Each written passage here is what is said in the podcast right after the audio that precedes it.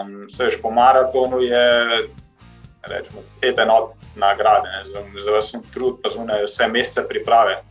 Po Ironmanu je pa ne, to na kvadrat nagrada. Ne. Je res enostavno. Ješ pravo hrano, spiš 8 ur na dan, pa gibaš se vsaj pol ure na dan. Če tega nisi sposoben narediti, pa zdravje ni vrednota, ne, kot večina folka pravi. Najhujša, mislim, največja vrednota mojega življenja je zdravje. Ja, ne vem, če je eno.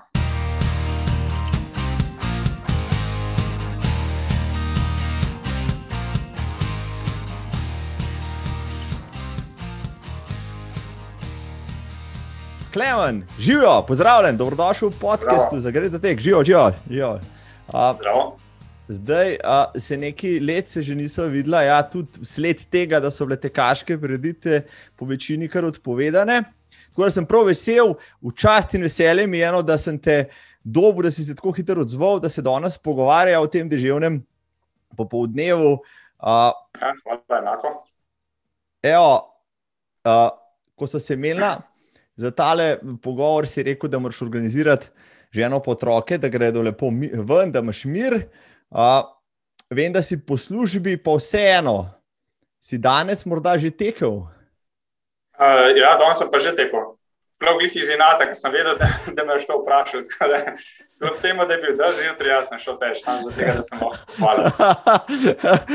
Šit, čist preveč sem predvidljiv, zgleda, da se moji cenjeni gostje že pripravljajo na to, kaj bom vprašal, tako da moram očitno drugo istočnico najti. Super, kremen.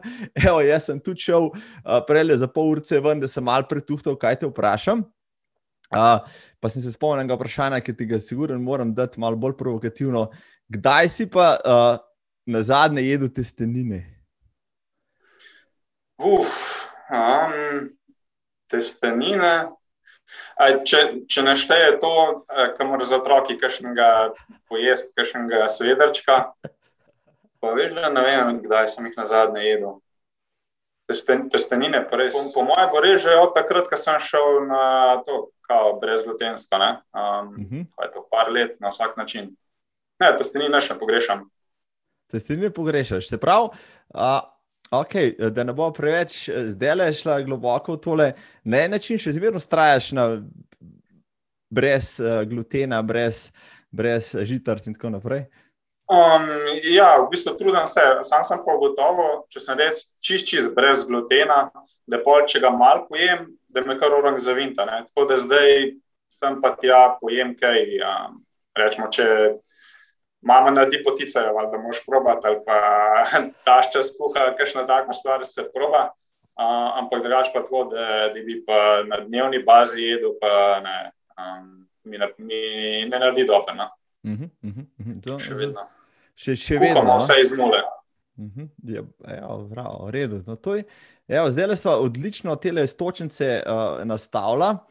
In zdaj, uh, če dovoljš, Klemen, za najno poslušalstvo, spoštovani in cenjene.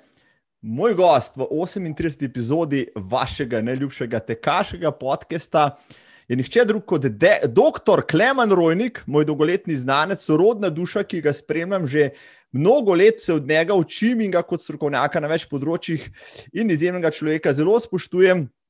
Eden naših najboljših amaterskih Ironman triatloncev preteklega desetletja. Eh, pri nas je še vedno odličen tekač, sicer pa predvsem družinski moč in oče, poročen z našo nekdanjo odlično maratonko in olimpijko Žano Jereb.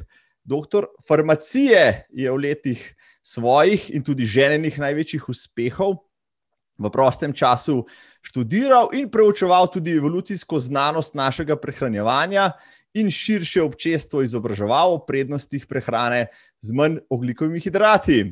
Svoje čase tudi kolumnist na delu, je pristaš znanosti, kritičnega razmišljanja in prevzemanja odgovornosti za lastne odločitve in dejanja. Tako da, dragi Klemen, prosim, dopolni me, če sem bil površen. Um, ja, malo sem razočaran, da sem pozabil, da sem udeležen vseh dosedanjih nočnih deset. To, to, to, to, to, to ti bom malo zameril, ampak dobro si zadeval. Uh, to pa, ja, pa um, ponosni imetnik drugega najboljšega časa v maratonu v naši familiji. Tako da na to sem tu še zaenkrat ponosen. Super, ne, odgovarjaš na, na vprašanja, vidiš, dosleden, sistematičen, kot si, si me prihitev z odgovori, še preden sem postavil vprašanja. Tako da, spoštovani in cenjeni, ta epizoda bo očitno krajša, kot sem predvideval, uh, ker se je Klemen pripravil bolje, kot sem se sam. Uh, ampak, da je pa potem tudi zadnji naprej, ja, če si uh, že dobro nastavil.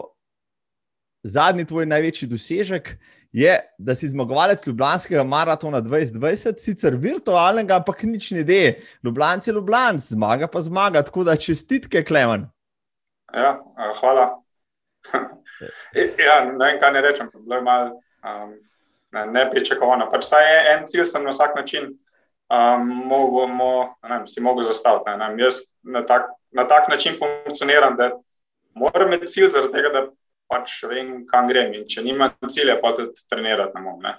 Zato je to večno vprašanje, zakaj tekmuješ. Ne? En izmed glavnih razlogov, zakaj tekmujem, je zato, da lažje treniram, oziroma da lažje spostavljam ta življenjski stil, k, za katerega mislim, da je zdrav in mi omogoča, da se boš počutil. Ne?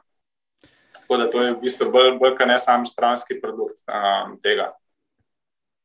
Življenjskega stila. No, Uh, če je stranski produkt življenjskega stila maraton v 2 urah in 43 minutah, bo tole res uh, zanimiv pogovor. Povej mi, kje si začrtal traso, da si odtekel, bom rekel, so razmerno za rekreativca uh, zelo hiter maraton. Tule, ne, en 5 km krok, meni se zdi um, v bližini mojega bloka, zjutraj, ne vem, sem ob 4 začel, nekaj tasga. Uh mhm. -huh. um, tako da res ni bilo nobenega prometa, nobene gužve po noč benih navijačev, benih okrepčevalnic, razen tistih plaž, ki sem si jih pripravil, um, pa ni bilo problema. Ja, drugače pa je čista ravnina, ali manj. Uh, vse ležite, torej tako 2-43, uh, še zmeri odličen čas, če predpostavljamo, da je tvoj osebni rekord izpred desetletja uh, samo vem, šest minut boljši, se pravi, še kar redno in kar veliko tečeš da ohranjaš to formo? Je, ja, red, redno, ja. No. Veliko pa se mi zdi, da se kar šlepa malo na, um, na to bazo, ko sem jo naredil. Ne. Tako da je to v kilometrih na teden tam ranga 60. Um, pač poprečje čez cel, čez cel let. Ne. Tako da ne, pač v tistih tednih, ki sem malo bolj pripravljen, rečemo 80-90, pa tudi pade, pač med počitnicami pa manj. Uh mhm. Tako da ja, zdržujem še kar tok neko pripravljenost, ne malo še kaj s tem. Um, zgleda podzavestno, upam, da še imel prvi, prvi maraton, sajt v familiji, a sam brž oh kaže.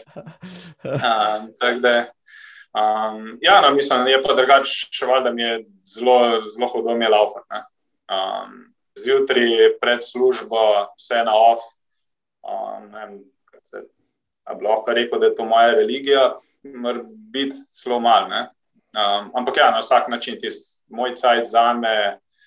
Um, Sproščujoče, vse skrbi grejo stran, stran kaj se da tudi element samo dokazovanja, pa znam, da še vse nekako gre, vsaj približno tako hitro, kot je šlo včasih.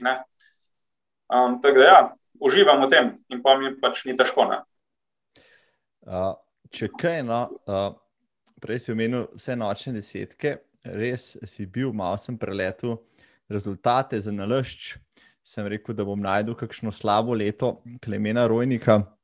Ampak, če kaj konsistenten si, uh, če si pri rezultatih, kar pri treningih, kar sklepam, da ja, ne, potem imaš to neverjetnih, rekel, zdaj že 15 let kar te spremljam prek nočne desetke. Ne vem, če si tekel kdaj slabše kot 37 minut, najboljši čas imaš tam, mislim, da je okrog 34 minut. Mislim, to zdržati desetletje, pa pol uh, je kar, um, rekel, zalogaj. Um, ja, meni je, da je prvo let, da sem šel na 40. No? Da, A, da šel 40. Da, ja, da moram prav pogledati. tega tega, sem... tega res ni, ni bilo na tajmingu, to drži. Ja, to imamo v nekih evidencah, ki jih tudi nisem najdel.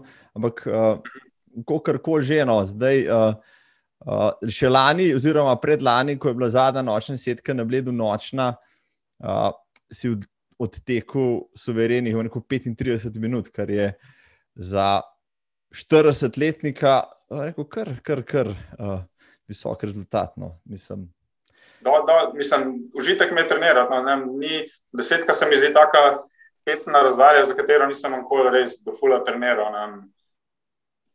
Mi je bolj, bolj všeč una počasna, topa bolečina, ki prihaja na maratonu, nekaj pa desetkrat. Pa že takoj, ko začneš v njih prvih 200 metrov, si kisa in pol je ta kisa sam še, še dalje hujša in pol, ne, aj, ko mi čakali, da te ne, spet vidim v četrtem kilometru, ko veš, da smo že skoraj na polovici, pol na koncu je pitati, ko sem še, ne, sam da mine. Tako da te krajše razdalje, krajše razdalje nikoli niso ležale. Ne. Ta ostra, pekoča bolečina, oh, to je kar.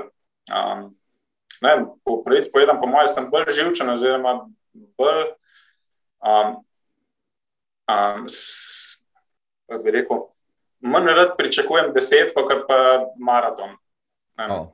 Um, Preden pred se sama tekma začne. Ne. Ampak drugače, pa ja, des, um, nočna desetka je tako že, um, ne, se mi zdi en izmed. Um, kako bi rekel, ve, ve, vedno si, zdaj, ki sem nehal orang trenirati, ne, imam, imam dva fiksna datuma, ne, to je Ljubljanska, nočna desetka. Ne, ta vesela, vesela pričakovanja. Mhm. Na nočno desetko je že nekaj posebenega. Um, pa pa še tako vzdušje, ki ga tam super naredite, ne, noč tudi na tema naredi svoje, um, da dobri spomini, pa vse to, tako da je res uh, užitek tam laufati. Razen če se vščije eno uro prej je bilo en, en let, vem, da je bilo kar, kar hudo, ampak ne, tudi, tudi to pa še zraven. Prvih pet let ni bilo niti kapljice, naslednjih eh, pet oziroma šest let je tako ali drugače zalival uh, in nas žegnali z neba, konstantno, uh, ali pa so sedem. No. Ne vem, če je bilo brez dežja. Lansko leto ni bilo dežja, ampak tudi ni bilo klasične nočne desetke. Uh, upam, da uh, bo čim prej konec uh, tega rekel, pandemičnega stanja, no, da spet na bledu naredimo deset, kot se zagre. Uh, pa da Klemen Rojnik lahko spet v koledar skupaj proši vsaj še en uh, spomladanski datum, ki bo fiksen. Deva se čist malo zared. Uh, zdaj sem malo svetlila tvoje tekaške dosežke, ampak ti si, uh, kar sem prebiral o tebi, športnik od glave do pete, že od malih nog. Menda, si eh, resno treniral celo tenis. Menda, ja, um, tenis smo tudi trenirali. Mislim, sami začetki so bili taki, da um, starša sta nas z bratom res prijala na vse, kar je bilo možno, edina fusbane. Um, pa so pa tenis trenirala do ene sredine gimnazije, uh, pa sem še malo učil. Um, tenis, malo smo igrali tisto drugo, tretjo ligo, tako da mi je, mi je bilo čisto uh, všeč. Uh, tako da tek, pa, tek se pa iz tega razvil tako, da sem laufal za kondicijo, ne? sam za bile tiste razdalje 4 km na dan, enkrat na teden. Da, ne, pr, v prvem letu um, pekaška imam 106 km, pekaških uh, skozi celo leto. Um, Ampak ja, taki so bili začetki. Že takrat mi je bila v, um, v glavi tisto zadnji, ki ti nekdo govori, en maraton je treba prelaufati, en maraton je treba v življenju prelaufati, enega je treba.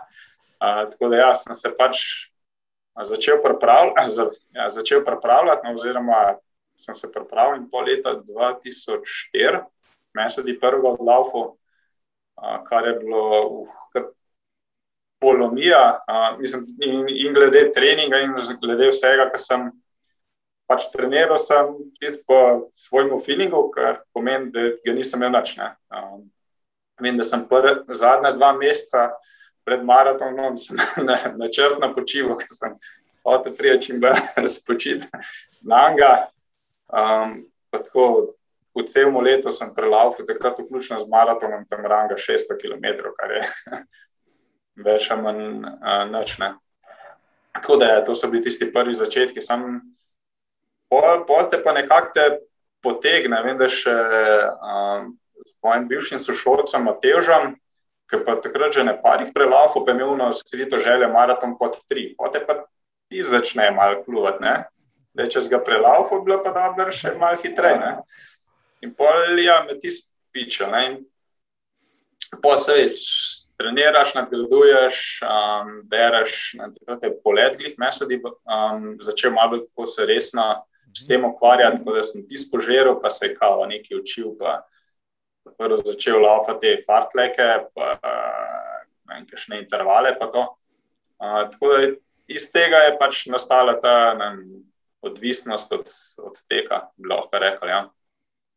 Da mi zdaj povej, uh, sej, mislim, da jaz iz vlastnih izkušenj vem, da recimo maraton odlaufati ali pa recimo ga spraviti po 4 ure, si moraš biti na cesti ne trikrat na teden, narediti tistih 40 km vsaj. Pa gre, no, za po tri ure, moraš biti na cesti že kar skoraj vsak dan, če ne kar vsak dan narediti, blizu 100 km, biti kar zagrizen, še početki drugega zraven. Koliko si pa ti treniral, da si, mislim, da je zdaj že desetletje, odkar si v teku uh, 237 v tistih časih, no, preden si začel, pa se resno tudi z triatlonom ukvarjati. Fuh, tiste je bilo pa, kaj sem, sem tam ranga 4000 na let, mora biti odlaufo nekaj tasga. Um, ja, tiste tis je bilo pa že oran kresno, ne vem, vsaj šestkrat na teden laufanja, pa vse strukturirano, seveda, en dolgi tek, intervali, tempo tek. Um, tako da, ja, pač ti se svoje zgodbe, ne veš, kaj te nekaj, zas, nekaj, nekaj zastoji, uh. -huh. ki v bistvu načkaj ni težko narediti. Pa sam še študiraš, aha, če tole naredil, tole naredil, tole naredil, aha, bo šel glih, to pa to, pa to hitreje. Um, se mi zdi, da, aha, tudi rečemo, na velik, na velik tekem sem hodil v tistem obdobju, ne, ne, po 19 na, um, Sezono. na, na let, po moje. Uh -huh. um, in tisti tekma je v bistvu najboljši trening. Ne. Tam si videl, kako napreduješ, deset pa tam v Kranjski gori sem šel tok, na nočni desetki sem šel tok, sicer bi šel lahko hitreje, ampak je držal, te, te, te, te, te, te. Seveda, neoptimistične, tako da v bistvu sem v še boljši formi, kot rezultati kaže. Ne. Ampak so ti take zablode, ampak ja, mislim, čist, čiste potegne. Ne. Sploh, sploh, enkrat postaneš, kot je to dober v neki stvari, ne, te kar potegne, kar hočeš še bolj, še bolj, še bolj. Še bolj pa v bistvu na nek način tudi, če dalje lažje postaja. Ne? Kljub temu, da se mi zdi, da je še enkrat več na teden prelaufaš, ampak v bistvu ni tako. Če imaš motivacijo, pa vse take stvari poštimane, ne, pol je v bistvu če dalje lažje. Ne? Tako, tako. Najtežje je v bistvu uh, ta prvih 20 km na teden narediti, na daljnih 80 je pa bistveno lažje. Kdaj jim povej, ali pripisuješ pač um, ta tvoj, rekel bi, tudi hiter napredek takrat, pa, pa dokaj uh, rekel, visoko kotirane rezultate. Uh, Samo svojemu zauzetemu, pa sistematičnemu delu, ali imaš tudi kaj talenta za vzdržljivostne športe? Uh, talenta, ne, bi rekel, da um, bolj ne, no, ne. Če tako pogledaš, um, moj prvi maraton je bil 3 ure 46, um, pa sem rabo pol 4 leta, meni se zdi, da sem ga spravil po 3 ure. Ne. To ni nek ne, tak prirojen talent, da bi se nam človek pohvalil. Um, tako da, ne, po moje, oziroma sam se je biti uh, uh, malo s tem tolažen, da naj, naj, največji doprinos ima ne, moja, kaj se vem, konzistentnost. Pač, rečemo, zdaj mi ni problema, z budilko imam vedno pred peto naštimano, da ustanem, laufat, zajtrk, služba, ni benga problema. Pač sem se čisto odvadil, ne, ker vem, da aha, če takole. Tak, tak, tak, tak, tak treniral, da bojo taki in taki rezultati. Tak, da, Ne, po mojem je bolj ta konzistentnost. Pač ni, res nisem imel benga obdobja, tako da me je čist minila, bile so poškodbe, pa ti zdaj ne rečemo, da še en teden, dva ne moš laufati. Ampak ne, vedno je bila neka kontinuiteta um, po. Ne. Aj tisti triatlonski časi, ti so bili nora po tri ure na, na dan, poprečena, ti so bili ne, ne zdravo, ne, ne noč. Ne. Uh, ampak vsem ti ta neka rutina ti ostane, da da ti na nek način ni, ni ben problem jo zdržati. Ne? Mhm. Tako da ne, ne, ne, ne, če bi rekel, da um, imam, imam talent za to, da, da sem vesten, konšenčen, kako te, te, te lastnosti reče. Ne? Um, bi rekel, da imam bolj ta talent. No, se, če ne bi si bral Epstina, se Epstin tudi no, par premis takih nakaže. Ne, pravi, športnik mora imeti najprej talent za določen šport, ne? potem mhm. mora pa imeti tudi talent uh, za, za treniranje tega športa, ne? se pravi, voljo, uh, uh, se pravi, za nos, za gon in tako naprej. Ne? Ni dovolj, da si ti talentiran za vem, uh, odbijanje žogice. Uh, pri bejzbolu, ne, moraš imeti tudi še veliko željo, pa, pa, pa talent za to, da pač uh, se spraviš k treningu. Kaj pomaga talent, če hitro odbijaš, če nimaš talenta, da si vsak dan. Ja, seveda. Glava mora biti tudi na mestu, ne se to vse vidi. Če imaš pa boje skupne, pa si pa ne malo Jordan, Brian, pa te specialci, ki čoge. Tako, pač, tako. Poštima na vse. Uh mhm. -huh. Mati narava plus glava štima in pol so rezultati res, res tam. Drugač pa, ne, moje mnenje je tako, da vsak, ki ni, nima res kakšne hude, prirojene ne, telesne napake, bi v bistvu, vsaj med moškimi, bil sposoben po tri ure odlaufati. Z različno stopno um, truda, ki bi ga lahko vložili, ampak se mi zdi, da ne, tri ure ni taka, taka stvar, ki, ne, ki se jo ne bi dal doseči. Ja, ja ki se ne bi dal doseči ja, na vsak način. No, zanimivo, no, ker uh, Okay, Urban Pravotnik pravi, da je vsak sposoben preteči maraton, ti si to dvignil še za letvico više. Še tukaj je ena pombica, ne mislim, da je to nujno zdravo ne, za vse. To, to, to bi se tudi dalo diskutirati. Okay, do, jo, ja, zdaj, zdaj ste cel kup enih istočnic dal, o tem bomo tudi kaj spregovorili obvezno.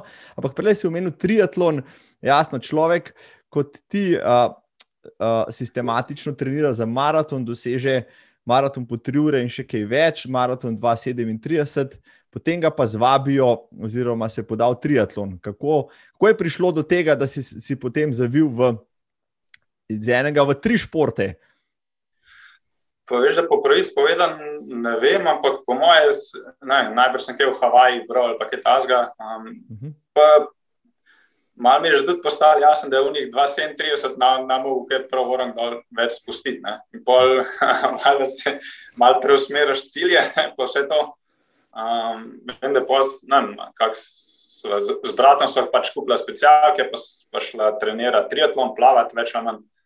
Um, ja, tako da, ampak če ne, na nek način tek tak čiki, da se dvisen kot očiko, ne pa triatlon, te pa lahko potegne čist kot trda droga, ne, tam je pa Ja, tisti tis, tis me pač zasvojili. Ne. Um, ne vem, so take. Máš prednosti napram samo teku, ne, ker ne, rečemo, preteko se veš, malo te kaj boli, a, a te štihne, pa si takoj upravičeš, da nam šlo laufati, pa da bom ne par spustil, ne, pa kakšen trening spustil, pri triatlonu pa še vedno lahko plavaš ali pa kolesariš. Ne. Tako da tam pa ni, ni ne izgovorov, pa, pa tudi v bistvu čist, čist neka druga dimenzija. Ne sveš na noge, greš ajti, koliko daleč stran od doma lahko. Ne?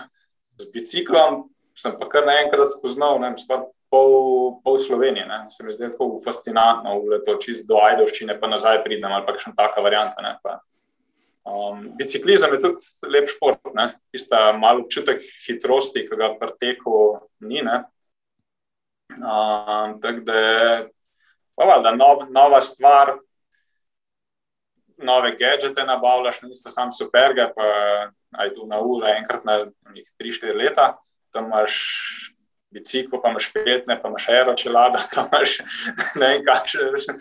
Vse so še zdaj izumili, potem, ko sem jaz nehal. Ne, ampak ja, je, je na nek način vse, vse skupaj se malo sestavlja in te res čist uh, potegne noter. Uh, je, je pa tudi še ta stvar, ne, isto kot pri um, vsa, vsake stvari. Bolj, več truda, ko vložiš noter vanja, ne, večji je pač nagrada, kot bi temu rekel. Um, veš, po maratonu je rečemo, cete not nagrade, ne, za, za vse trud, pa zunaj vse mesece priprave. Po Ironmanu je pa ne, to na kvadrat nagrada. Ne. mislim, tista nagrada, tisti občutek euforije, tisti, um, kaj se jim, kako bi to opisal, ampak je res fenomenalno, ne? tako da je to te kar posrka not in um, bi, ja, bi rekel, da je kar nevarno. Aj, nevarno. So plusi in so minusi, no, mene je potegnilo.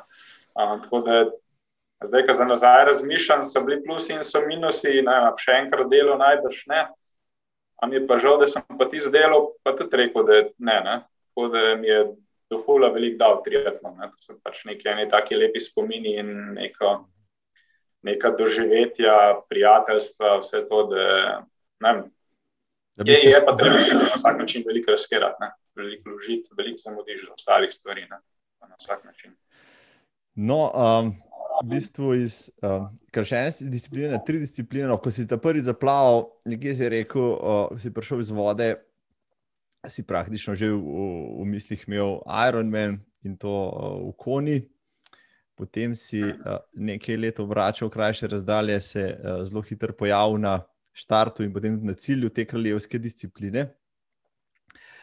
Zdaj, da malo rišejo za tiste, ki morda niso tako domači s tem športom, to pomeni, gladko, dva treninga na dan, en zjutraj, en popoldne zvečer, to je vsaj 20 ur treninga na teden. Če se tebe tak, takrat vprašal, kako usklajuješ pač službo, treninge pa zasebno življenje, si rekel, službo pač moram hoditi, da preživim, pa financiram svoj triatlon. Uh, moje zasebno življenje je pa pač triatlon. In, in dejansko tako to je, če hočeš to počenjati, drži. Ja, res je. Mislim, tistem cajtu um, sem mal spal ali treniral, jedel pa hodil v službo, ne, drugega ni bilo. Um, mislim, tudi pol, ko smo se z Žana spoznali, on je tudi um, potem začel orang trenirati. V bistvu, kaj, prve tri leta, ne vem, če smo še kdaj skupaj kino ali pa kaj tasga. Pač, skozi, ali, ali smo trenirali, jedli ali pa spali ali pa počivali. Um, mislim, da se spomnim, da so bili prav trenutki, ko so obadali prav ležala na kavču, pa spis, da si, si tako zmaten, da si ti sploh ne skoraj pogovarjati. Ne, da, ne. Um, pač način življenja, plusi so minusi, ampak ja, tako je bilo. Um. Uh, ko so te vprašali takrat, zakaj hudirja to počneš, si rekel, ja, hm, dobro vprašanje kakšen je smisel pač tega mojega pečanja s triatlonom. Se rekel, pač neko je preseganje samega sebe. Drugo pa pač se nekaj moraš početi, a, a še vedno meriš tako. Pač človek, je, človek je navaden, da je v pogonu, je pač uh, triatlon idealen za njega. Ja, veš, veš, to sem dal, sploh v zadnjih letih, da sem kopal po sebi, zakaj sem v bistvu res to delal, ker je čist pač neracionalno, pa vse to. Ne.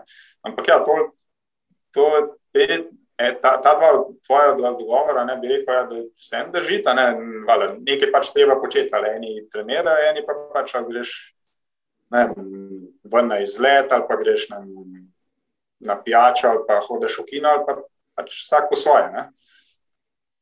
Ja, na vsak način je bil tudi en element samo dokazovanja, ki ga nam druge, po moje, kaj sem, v današnjih cajtih Um, ni, nismo, kaj sem, pa ga lahko kje druge dobiš. Ni, nisem bil kot tak tip, da se kaj dokazoval v službi ali pa kaj tasga, ne pač, pa si pa neki uh, drug, drugega zberaš. Um, tako da to bi tudi na vsak način en element. Um, en element je bilo tudi ta prepričanje takrat, da ja, to je zdravo življenje, ne, da uh, to. to um, bi rekel, da ni, tako po 20 ur na teden trenirati, to ni zdravo življenje. Um, tako da, ja, po, po pravici povedan, ja, to je v bistvu ena izmed težjih vprašanj, um, ki mi ga lahko zastaviš, da nam ne moramo ti dati enoznačnega odgovora. Ne. Da, ne vem, zakaj, zakaj sem take neumnosti takrat počel. Ne. Mislim, najbolj po mojem, isto, če bi kakšnega odvisnika vprašal, zakaj si se pa ti drugiral rekel bi lahko, da ja, tam imajo slabi odnosi, ampak na koncu dneva pa ja, dobro je bilo. Da, ja, dobro je bilo na leta. Vrhunski, vrhunski odgovor. Zelo, zelo iskreno, to mi je všeč. No, to, to, to, to sem zmeraj cenil pri tebi, ker si bil uh, neposreden in iskren tudi pri, pri tem, in nisi nikoli olepšal tega, kar si počel, ne tako ne drugače. No, to se mi zdi uh, taka dobra lekcija za vse tiste, ki, ki, ki se lotevajo kakšnega takega športa. Daleč od tega, da bi koga odvračal triatlona, ne? To, mm. ne, da, da ne bi to, to ja. razumel. Ne? To je res lepo, ampak vseeno mora biti malo mal več zmernosti, bi bilo na mestu. Leta 2013 si bil rekel, na, na vrhuncu svoje triatlonske kariere, uh, tisto leto uh, si potem v Koni kronov, rekel, vse skupaj res z odličnim časom. Kako je zdelo, recimo, v tistih pripravah na svetovno prvenstvo v triatlonu, uh, tvoj povprečen dan, recimo, no? tako da čisto piševa plastično. Puf, ja, tako kot si rekel, na en trening zjutraj pred službo, um, zajtrk, služba, um, tako iz službe, ta drug trening. Pol dvakrat na teden sem imel zvečer še plavanje, se pravi med 8 in 10. Nedelja, ponovadi, še en dolg bicikl, plus nekaj kratkega para steha, ampak ja, sedem dni na teden treniranja. Popre, ne, v poprečju čez leto je bilo tam ranga 20 ur na teden, se pravi 3 na, 3 na dan, v unih ta hudih tednih, na pa tudi tam 25-30. Tako da, ja, mislim, za drugega ni bilo cajta. Um, tako da to je bilo. No, ta trening si potem odlično prelil v, v, v nastop na Havajih. Ne vem, bi lahko rekel, da je bila to uh, za te dirka karijere, takrat si prišel v cilj. Lahko bi rekel. Ja. No, Zadnjič sem bral, čisto zanimivost, uh, uh, biografijo od Krisi Wellington, za vse tiste, ki niste v triatlonu, to je angliška triatlonka, ki je pustila neizbrisen pečat na, na Ironman disciplini, uh, dobila rekel, cel kup znanih velikih Ironmanov, tudi svetovna prvenstva. Vsakič, ko se je pojavila na štartu, ga je tudi dobila v Havajih. No, ona je opisovala zelo sikovito vse tiste dirke tam, pa uh, vsa tista lavina polja in tako naprej. In se sem pa danes to spomnil. Zdaj, ko te moram vprašati, kako je. Ona je rekla tudi takrat, da je njena zadnja, mislim, da zadnji nastop, ko se je vrnila po poškodbi, bila njena dirka karijere, ker je pač dala vse skozi, se je tako poklopil, uh, uh, kot, kot si želela. No? Uh, ta tvoja dirka 2013, po kateri rekel, si na en način zaslovel ali pa si pr prstal v očeh javnosti triatlonske, uh, je bila. Je bila res odlična. No? 8-48 je bil čas, tvoj na cilju, bil si drugi uh, med age grouperji v svoji kategoriji, premagal si celo vse ostale slovence na čelu, na čelu z Davidom Plešetom, ki je bil profesionalen že takrat, njega je sicer nekaj zvil, ampak vseeno 8-48, ne vem, zmagovalci mu kakšne pol ure boljši čas. Samo maratona, ne, za te kače bo to zanimivo, na koncu triatlona si odtekel uh, pod tremi urami. Na Ironmanu na Havajih, ki ne slovi ravno kot lahek, uh, da mi mačka opiši vse skupaj, no, kako, kako se je zgodila ta kulminacija vseh tistih uh, rekel, priprav in kako si to perfektno izpeljal skozi ta dosežek. Ja, ne, če je um, Ironman ta blagovna znamka, v čem dobro je po promoviranju te famozne havajske tekme. To je, to je tam, kjer se je vse začelo. Sicer za zgodovino, da je bilo to 70 let, um, ko zdaj bo na 25 let. Raj nam ne še, ko se ne spomnim. Kratka, vso to, kar te napumpajo, vale, v, v zadju je veliko kapitala, ampak vsem na nek način je ta neka zgodovinska, kako bi to rekel, to so olimpijske igre za triatlonce, um, Ironman naše, mislim, za te dolgo pregašene, tako da ni, ni nič, kar bi bilo niti približno podobnega. Um, tako da je ena tekma, enkrat na let, um, težki pogoji, tako da je že sam, samo to pričakovanje, da se, da se sploh uvrstiš na to tekmo, ne, um, je nekaj, kar se imajo, mislim, kar se šteje kot dosežek. Nama je primerljiv v priteku ta Boston, na Boston se tudi moš kvalificirati. Uh -huh, uh -huh. um, sam pač tam je sem na Bostonu 25 tisoč folka, oziroma jih je več, na drugih je pa pokrajanga 2000, 2500 na let, kar se vrsti. Tako da je že vsa ta bilda, kako bi temu rekel, je tako zelo prisoten v glavi, da je v kaj dober, kaj dober. Um, no, pa bil sem že en let prej tam, tako da že en let prej sem bil prvič tam dirkal, tako da sem mal ta vzdušje občutil, pa videl ur, to je res sanje starega triatlonca. Um, tako da ja, prvo leto je bil cilj aj, preživeti, pa končati, drug, drug let je bil pa cilj dirkati, tako da je bilo vse zavestno, je bilo usmerjeno v to. Bicikl sem zamenil tisti let, um, na kronometer bicikl. Ja, pa to sezono sem začel uh. Pač ugotovil sem, kaj meni leži pri prehrani. Se pravi, manj ugljikovih hidratov, več maščob, da to je bilo tudi uh, en izmed pomembnih faktorjev. Pač mal starejši, mal mod, modrejši, ne vem če, ampak več kilometrov je bilo zlaufanih, pa kolesarjenih, leta 2013. Um, tako da že vsakeč sem bil pohranga deset dni prej tam, da se klimatiziraš na 30 stopinj, pa 100% vlago. Um, že sam tisto vzdušje, ki narašča ne, v tistem tednu pred tekmo, je, ne, je prav, prav težko opisano. Vse tisti, ki ste, ki ste, mislim, ki so bili na Havajih, vejo, o čem govorim, ostalim je pač po mojem bilo težko razložiti. Ne. Um, ampak vse je tako, neka, mislim, in zapeljan, tako da mislim, ne moreš, da ti ne bi bilo všeč. No? Um, drugač pa, kar se tiče same tekme. Ja, plavanje je itak moja najšipkejša disciplina, bila vedno tako, da plavanje je bilo vedno sam preživ, pridvan iz vode, pa se pa začne. Um, tako da plavanje nekako preživel, bicikl, bicikl mi šel v bistvu tako nerealno dobro, ker tudi biciklirati sem začel dosti pozno. Um, ampak tudi bicikl sem, vse odkar sem s to low carb prehrano, ne, um, mi ni nič padlo, sem skozi iste vate držal, tako da na koncu sem jih veliko prehteval.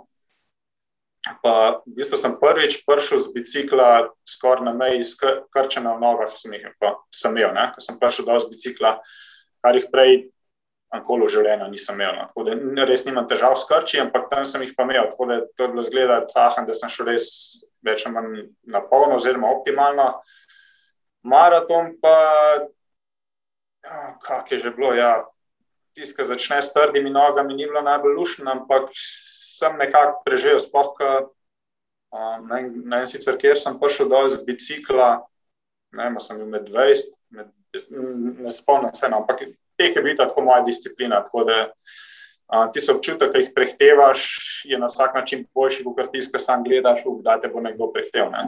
In posebej, vsak, ki jih prehtiš, je tako, da na nek način vzameš nekaj energije, sploh če, iz, sploh če iz iste age grupe, kot ti, ne? da sam. Uh, da sam ne, požene naprej. Ne. Tako da na koncu, za enega mi je, je zmanjkalo, ampak ja, lahko bi rekel, ja, tekma karijere. Tako da to je bilo um, kaj se temu reče. Skratka, sem se do konca, no, ne, ne, ne, ne bi mogel biti, ne bi mogel jeti hitreje. Um, to je tako, kot če uh, pred vsako tekmo si tako planiraš, da grem tok pa tok, če bo vse v redu. Gremo še 5 minut uh, hitreje, če pa na uredu, če se kaj zelo, bo tudi, če bo 15 minut počasneje, bom še vsem zadovoljen. To je kar vse je letelo. Sploh ne vem, odkje. In pa je že, to, že ta občutek, ki te ki misliš, da veš, da ti leti, pa sploh ne veš, zakaj ti leti.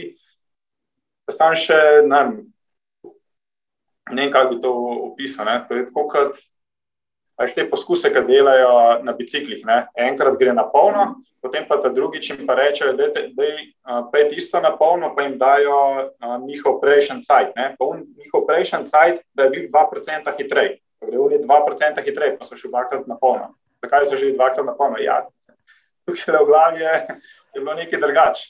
Ne, ve, pač, ne vejo, zakaj. Ne. Da, uh, tudi takrat ne vem, v čem je bila, mislim, ajt, vem, da v čem je bila fora, ampak ajt. ja, ne, poklopili ste se, um, ni bilo nobenih težav, nič. Tako da, ja, tekma karijere. Pojšla sem še na zdaj, kako se temu reče. Pa, v bistvu si, če, se, če se ne bote, bi zaključil svojo triatlonsko kariero, resno, se pravi, zaključil na vrhuncu. Uh, ampak, um, ne, v bistvu ne, še... nisem na vrhuncu. Um, sem šel še naslednje leto v Nico, da tudi hotel iti um, na Havaje, pa se je vse skupaj nesrečal. Um, nisem zaključil na vrhuncu. Aha, no.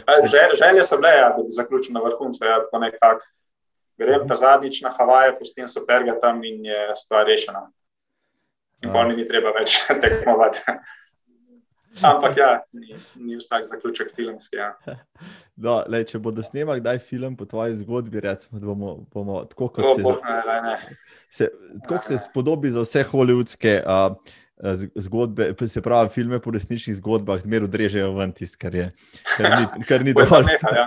ja, se tam neha. Na ja, 25. oktober 2013. To, to je to, evo, to je to, kljukca, po konc in, in pol dejavna špica, pa, pa tisti tekst ja. pol dol. Ja.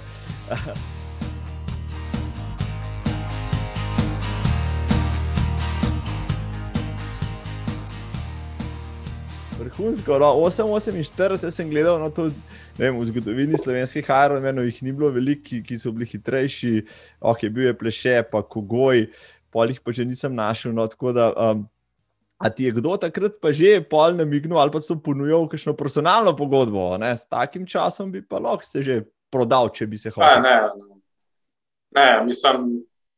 V triatlonu je še manj denarja, kot v teku. Uh -huh. Tako da tukaj, kaj se jim.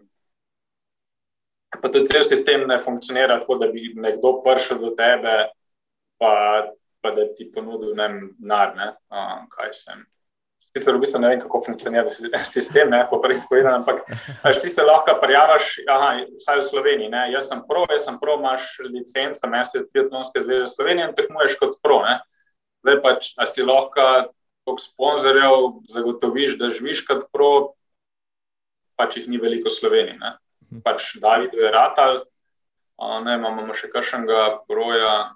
Jaro, Jaroslav Kovačič, tudi, okay. pa tudi ne vem, pač vedno, ne vem, on mes ima še svojo skupino, ne, da trenira v klubu, nisem zihar, no, ampak te, težke, no, se, ne vem, ko nauč bi rekel, pa mora biti malo bleferam, da je na svetu, kaj, sto pro triatloncev, teh Iron Manašo, ali pa 200, rečemo, ni, ni to ranga 10 tisoč ali pa kaj se jim kaj. Ne. Ni veliko denarja. Ne, ne, pa tudi sam nisem nikoli razmislil, da bi šel pro, ne. to je bilo čist, um, čist uh, lasten, privaten projekt. Ne. Tvoj hobi, prostočasni, v bistvu. Ja, hobi, hobi. Ja. No, se na vse zadnje je triatlon, oziroma Iron Man, vse skupaj, ne samo časovno, psihofizično zahtevanje, tudi finančno zahtevano. Vse, vsa ta potovanja, dirke, priprave, reko si uprema in tako naprej. Uh, če, če gledamo tam letico, jaz kar nekaj Iron Manov tudi poznam, slovenskih, ampak večina jih je šla enkrat v življenju, zato je to odkljukala, morda dvakrat, uh, če so se hoteli kvalificirati še za, za Havaje. To je pa to, no. zelo malo takih, ki ustrajajo tam leta in leta. Ja, ni, ni poceni na vsak način. Ne, si, mislim, si, si vodem evidenco pač, um, za, za te moje športne hobije. Um, in ja, v letih, ko sem triatlon treniral, je to um, dan gor. Mislim, že sam to, da je rečemo, prijavnina za eno tekmo, tam ranga 500 evrov, ne, kar se mnogim tekačem zdi uf. Ne. Poleg tega, da moš imeti opremo. Pa, pa še vse ostale stvari. Ne. Pa tudi rečemo, pla, plavanje ni do fula drgone, ampak vse na koncu, če če to potegneš na let, te stane par jurjev evrov. Da ja, je, je izreden finančen um, zalogaj, kako bi temu rekel. Um, tako da ni, ni glih šport za masovko, no? ni, ni tak masoven šport.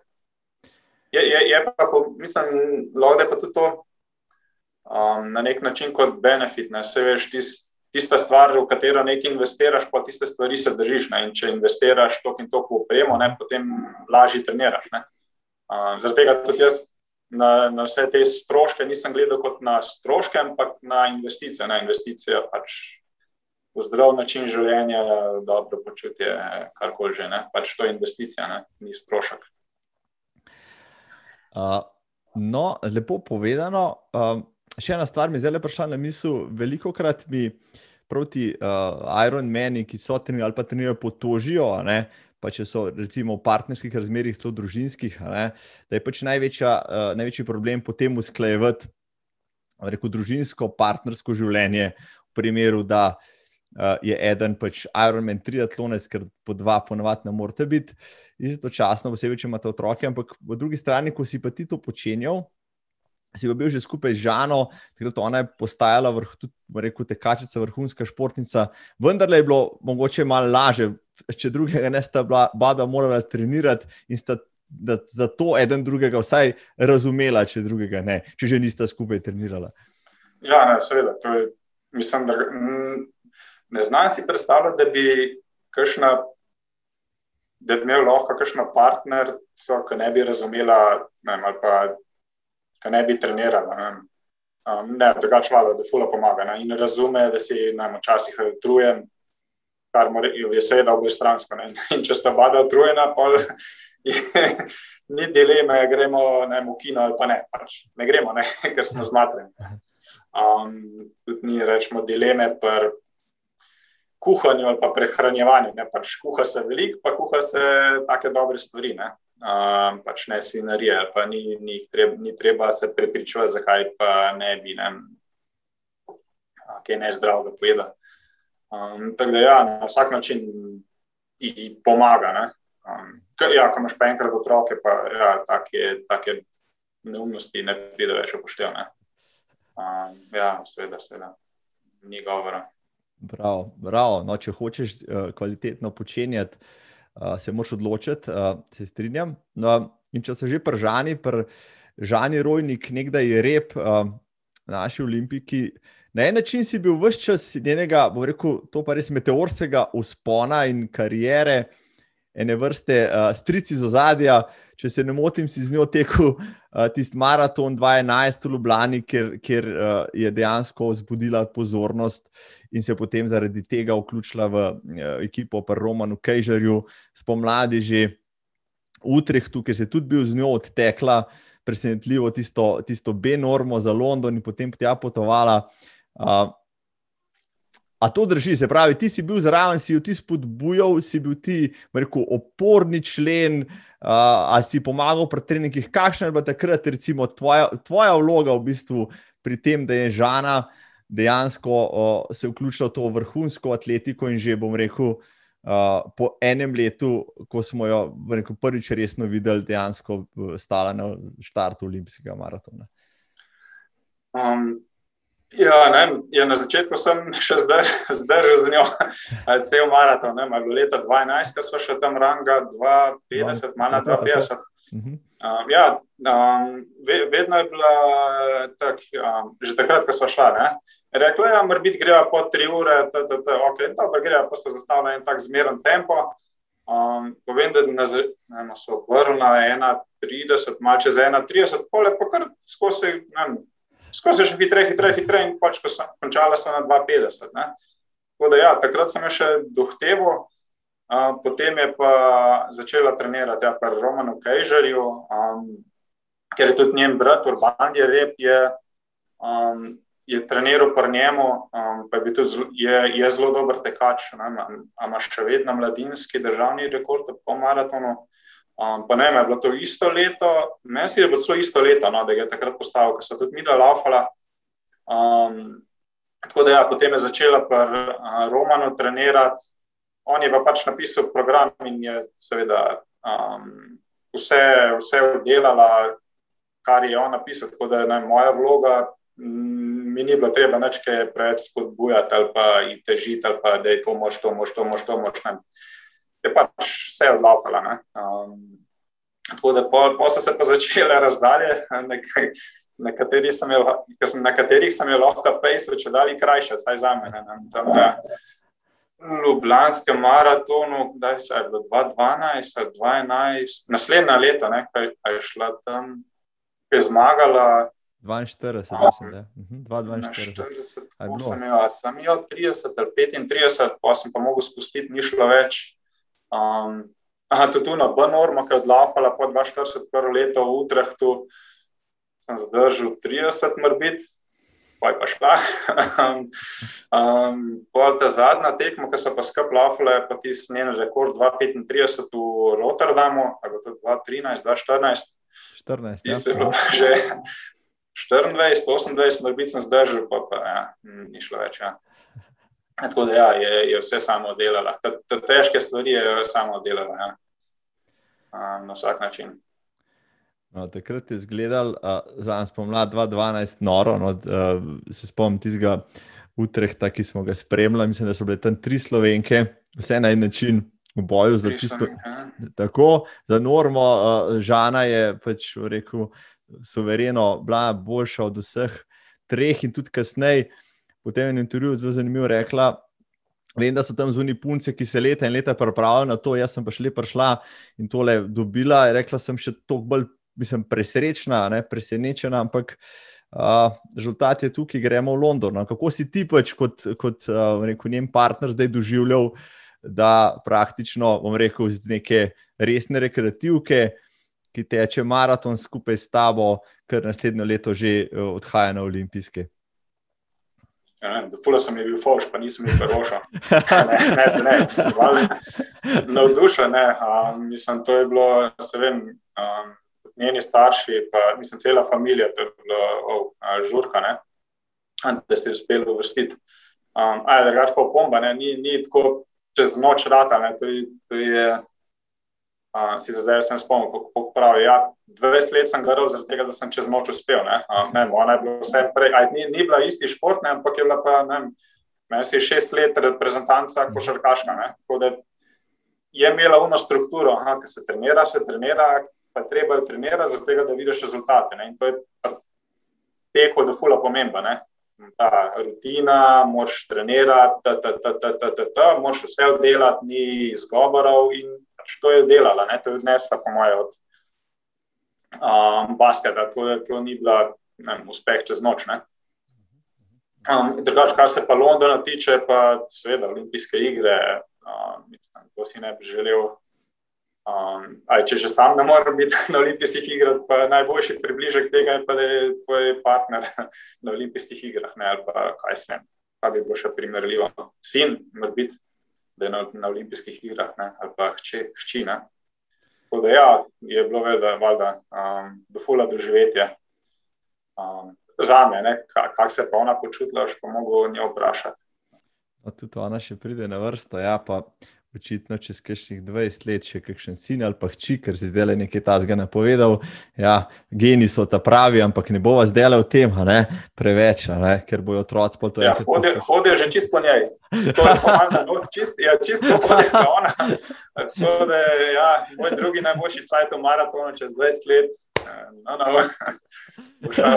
boš vesel, če boš med tri ustav. Ja, ja.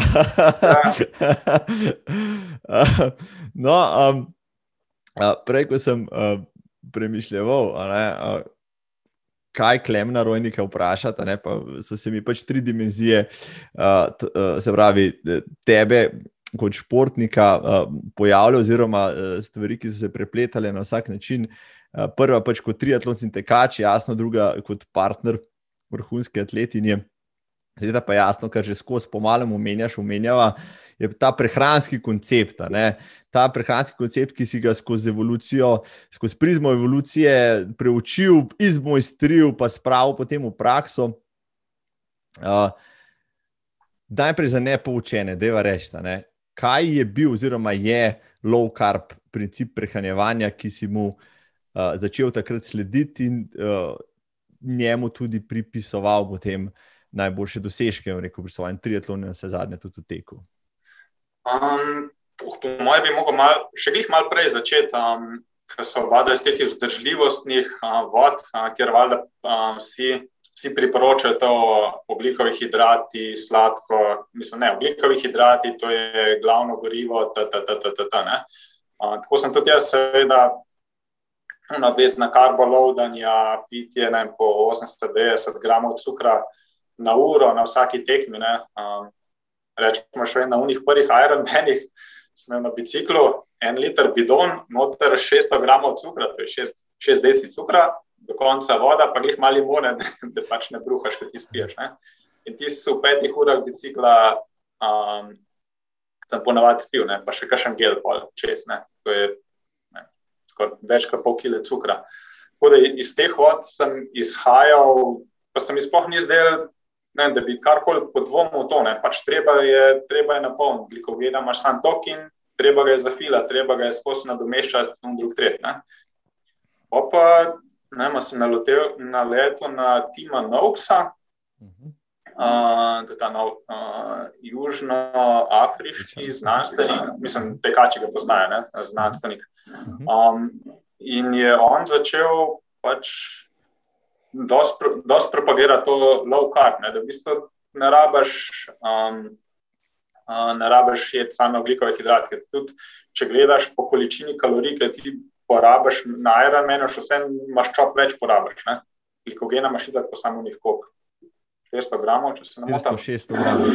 To je 1600 kalorij, ne? na Ironmanu jih pa skuraš kaj, ranga 4-5 ur. Um, tako da on je pa čisto v bistvu ta koncept na, na glavo obrnil, kar sem rekel, sem prvič prečital, tako tiskate en poing.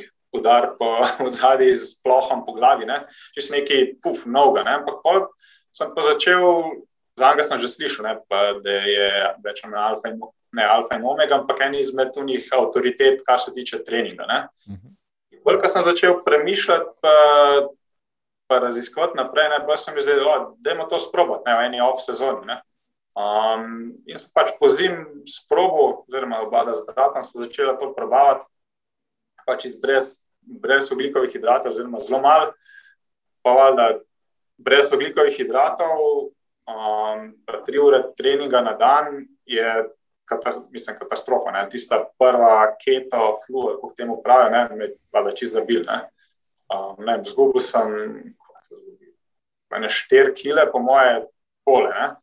Um, bil je problem, se na vsak trening odguncati, ker je bila res motivacija čist na dnu. Ne?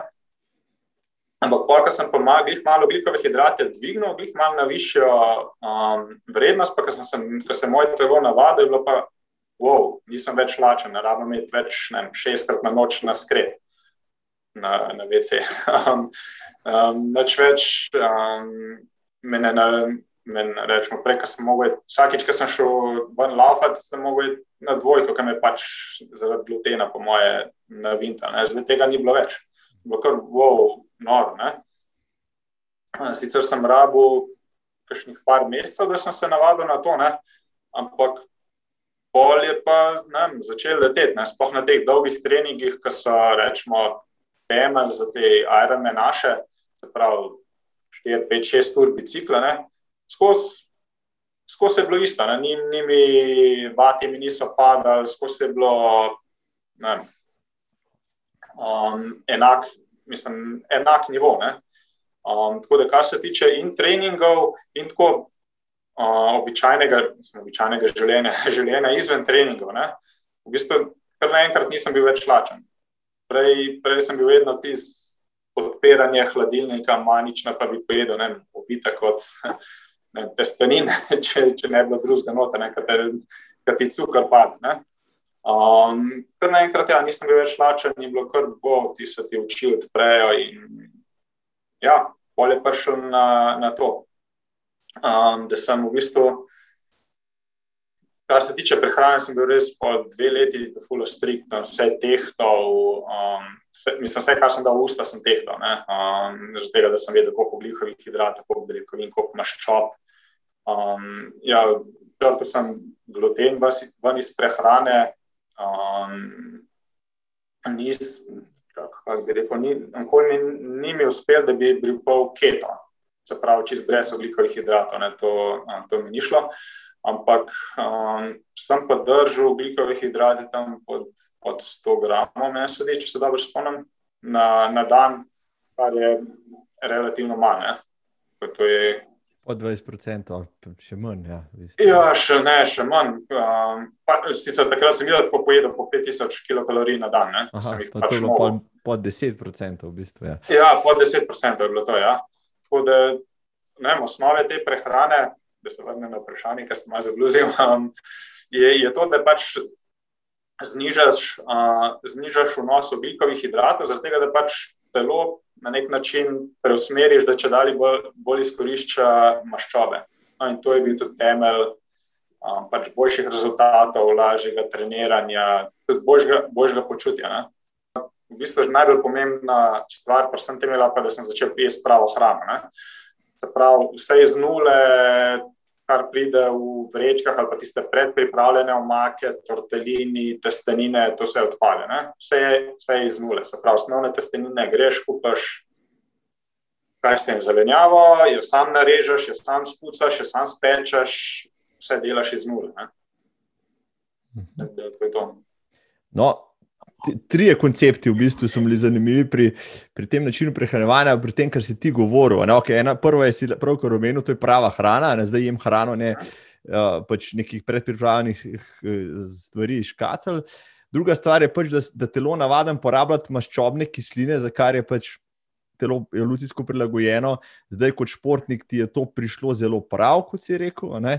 Tretja stvar je bila pa še koncept, ki si ga pa uporabljal za tekme, če se ne motim. Uh, uh, se pravi, train low, race high, treniral si z manj ugljikimi hidrati, potem pa si na tekmi jih dodal in takrat so v ti cukri.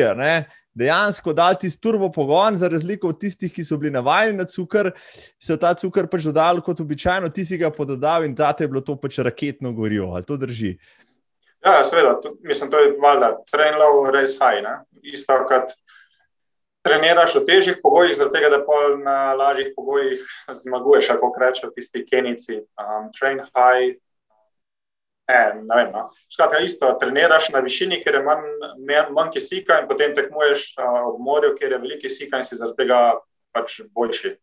Um, ja, drugače pa um, tekmoval sem pa seveda na, na oglikovih hidratih. Um, sicer še vsem precej manj, po noč bi rekel, Ne, če sem si takrat 600 gramov cukra dal v bidon, sem si ga pa dal 200-250 mrbit. Um, pa je bilo zaradi tega uh, to boljš. Se, se veš, čim, čim črtaš ne, vse sladkarije iz prehrane, že ena banana se ti zdi, da uh, je pa desert. Ne? Tako da je isti efekt je bil tukaj. Ne? Že samo občutek sladkosti v ustih, ki ga pač sem se ga odvadil, uh, ti da pol na, na tekmi dodatni procent, dva, tri, pač kako koli. No. Ja, to je tudi pomemben faktor. Ja. Če si pozabil, hvala, da smo spomnili. Ena zanimivih stvari ja, prav gotovo. Pri pr, pr tvojem blogu, ki si ga pisal dolga leta, uh, uh, LC Triathlete, uh, Low Carb Triathlete, ki ga ni, zdaj ni več, no, saj jaz ga nisem našel, se pravi, to si nehal pisati. Ja, boš pa povedal, zakaj ne. Uh, pisal si tudi kolumno uh, o prehrani na delo.si. Uh, en tak uh, prehranski blok je bil, ker je bilo več avtorjev, in ti si imel zelo uh, zanimive tekste na temo in maščob, in prave hrane, in, in, in, in sladkorja, in tako naprej. Na en način, uh, če bi ta termin takrat obstajal, si bil influencer na tem področju, ne? si bil avtoriteta, predaval si, uh, imel si predavanja na, na, na rekel, razprodana ali pa zapolnjena predavanja tudi na, na, na fakulteti in tako naprej. Ne, kar nekaj tega znanja si ti prej predtem predelal. Ga v dejanju popisal na svojem blogu, se pravi, kot se je rekel, filigransko, natančno vse zvagal, to zapisoval in dajal občestvu tam zunaj, v, v uh, vednost in ravnanje. Uh, na vse zadnje, najdel sem svojo diplomsko nalogo, ki je bila narejena na podlagi vseh teh tvojih študij, pa tebe, kot triatlonca, ki si tako prehranjeval. Tako nekaj, nekaj si premaknil na tem področju. Kako te je pa takrat, rekel, ta prehranska srednja nasplošno? Ljudje vem, da so te uh, uh, dosledili, so probavali to, ne? na vse zadnje si, kar si govoril, si tudi delal, kar je bilo zelo pomembno. Um, imel si pa tudi nasprotnike na en način. Ne? Ja, se to je, čak, kak sem, kak bi to odgovoril. E, najprej tako v zadnje, kak sem sploh začel um, o tem ne, pisati. Ne, zdaj se mi je tako fascinantno, noro, dobro, kot mislim, ne, da bi jaz odkril, ampak pač v neki sem. Nekaj sem najdel, nekaj sem probil, videl, da dela, da je to še drugim povedati, ne, da, da bo še drugi imel kaj od tega. Ne? Zaradi tega sem pač, uh, kaj, po kakšnem letu, odkar sem to začel, sem začel malo pisati najprej, pa še vse tisto, ali optimistično, uh, optimistično, ej, da imamo probat spremeniti mišljenje določenega procenta ljudi, ki jih poznam, pa na, na internetu, Facebooku, je bilo samo, joj, pa še to um, na temo prehrane, ne, ni to una. Na temo prehrane, politike, pa religije, mi tako vsak svoje mnenje. Če se hočeš kregati, pa nečeš eno od teh tem. Um, no, ali pa zdaj, zdaj da dodamo še COVID, ne? pa maske. Cepljenje. Um, ja, ja. ja, pa bilo isto. Um, Drugač pa, kot da bi bil influencer, to smo skoraj malo skor mal užalili. No? Sploh. Um, Res ima ta, ta beseda negativno konotacijo zadnje cajtke? Ja, ne, ne, ne, ne, sem, sem, ja. ne, imel sem eno predavanje od dela, um, sem za svojim pisal, da je bilo čisto hobi. Um, pač Pina mi je pisati, ne, da se spravaš na eno cono neodobja, zaradi tega, da pač napreduješ tudi na tem področju. Ne. Pisati je vedno dobro znati. Vedno je dobro znati, da znaš tudi pisati. Uh -huh, uh -huh. Tako da iz tega, iz tega področja sem prišel to. Ne. Um, da sem pa dobil veliko nasprotnikov. ja, tako sem rekel, ja, na temo religije, politike, pa prehrane, vsak svoje mnenje. Da, ja, um, Vsem vse sem šel tako naivno, optimistična v to, to, uh, to stvar, kot da ul, zdaj bom pa nekoga premaknil ali pa um, koga kaj naučil. Ne?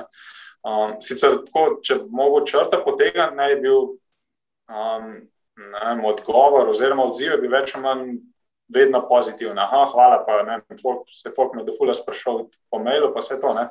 Um, tako da večina je bila pozitivna. Ne? Bilo je pa seveda tudi um, tako in drugačno ali šikaniranje. Ali to je tako na vsaki temi. Ja. To je res. Če se javno izpostaviš, če zagovarjaš svoje mnenje, pričakovati, da boš imel tudi hejterje. Ponavadi so hejterji ravno dokaz, da nekaj delaš, oziroma da so nekaj delaš prav. Um, no, jaz sem tudi tebe, recimo, spoznal ravno preko prehrane preko, preko sorodnih tem. No, so potem par let kasneje so skupaj nastopali na TEDxu, ti si bil uh, low carb uh, proponent, jaz sem bil bosi, paleo, navdušenc, variacije na temo praktično istih stvari, evolucije. Uh, takrat smo si brali Lustiga, Taubsa, Wolfa, Sisona, no, vse zadnje, Permuterja.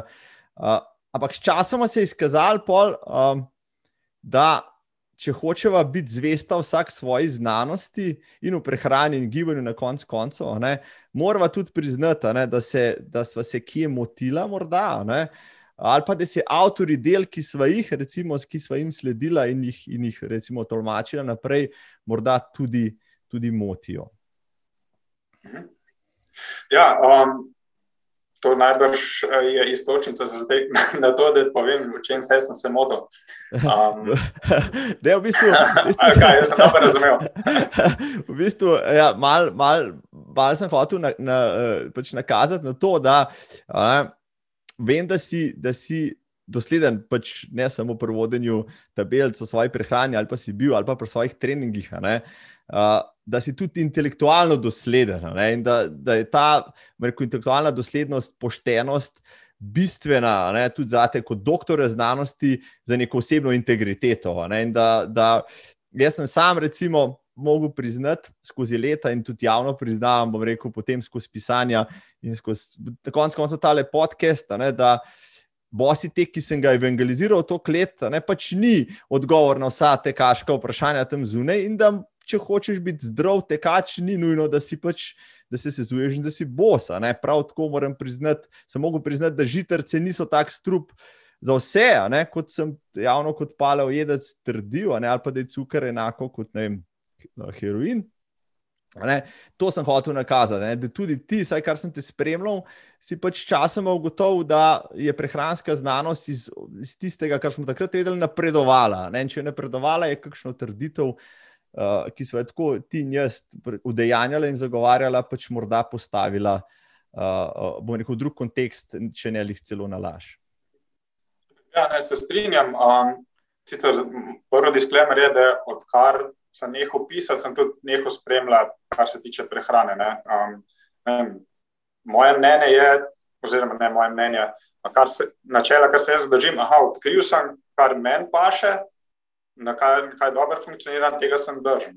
Zaradi tega pač nisem več naprej raziskoval. Bi rekel, bil up to date.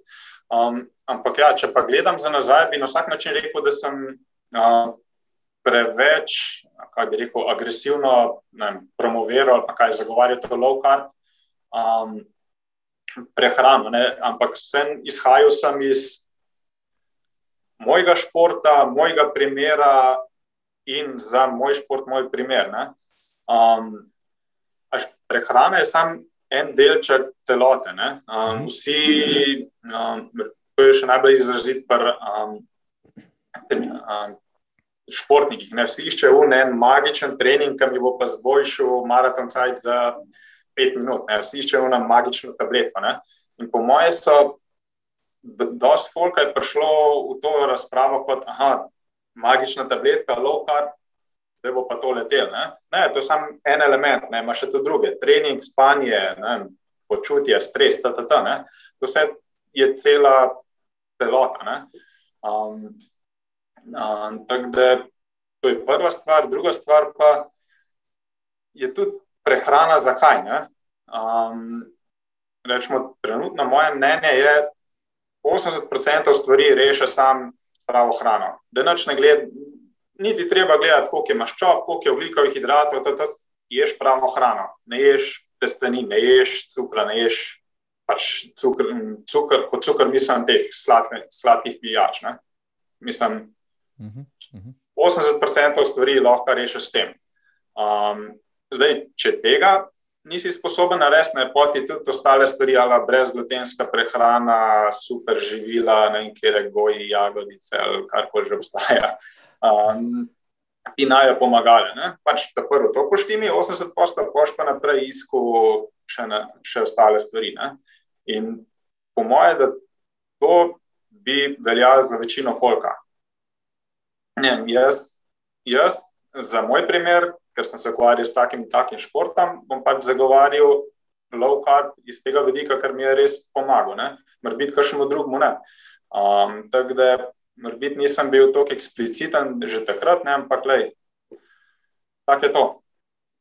No, sej, mislim, uh... mislim, tudi, uh, zaradi tega uh, sem, po moje, kar nekaj upal um, in s pisanjem bloga ali pa to spletno stran sem ukinil, ker sem v bistvu ni, ni dal več um, na to kompleksnem področju, v bistvu na to kompleksnem, pa hkrati tudi to enostavnem področju, ki te prehrana karkoli pisati ali pa se zapletati v dialoge. Ne.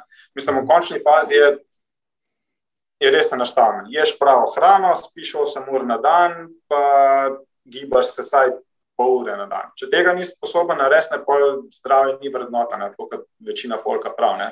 Najhujša, mislim, največja vrednota mojega življenja je zdravje. Ja, ne vem, če je. No.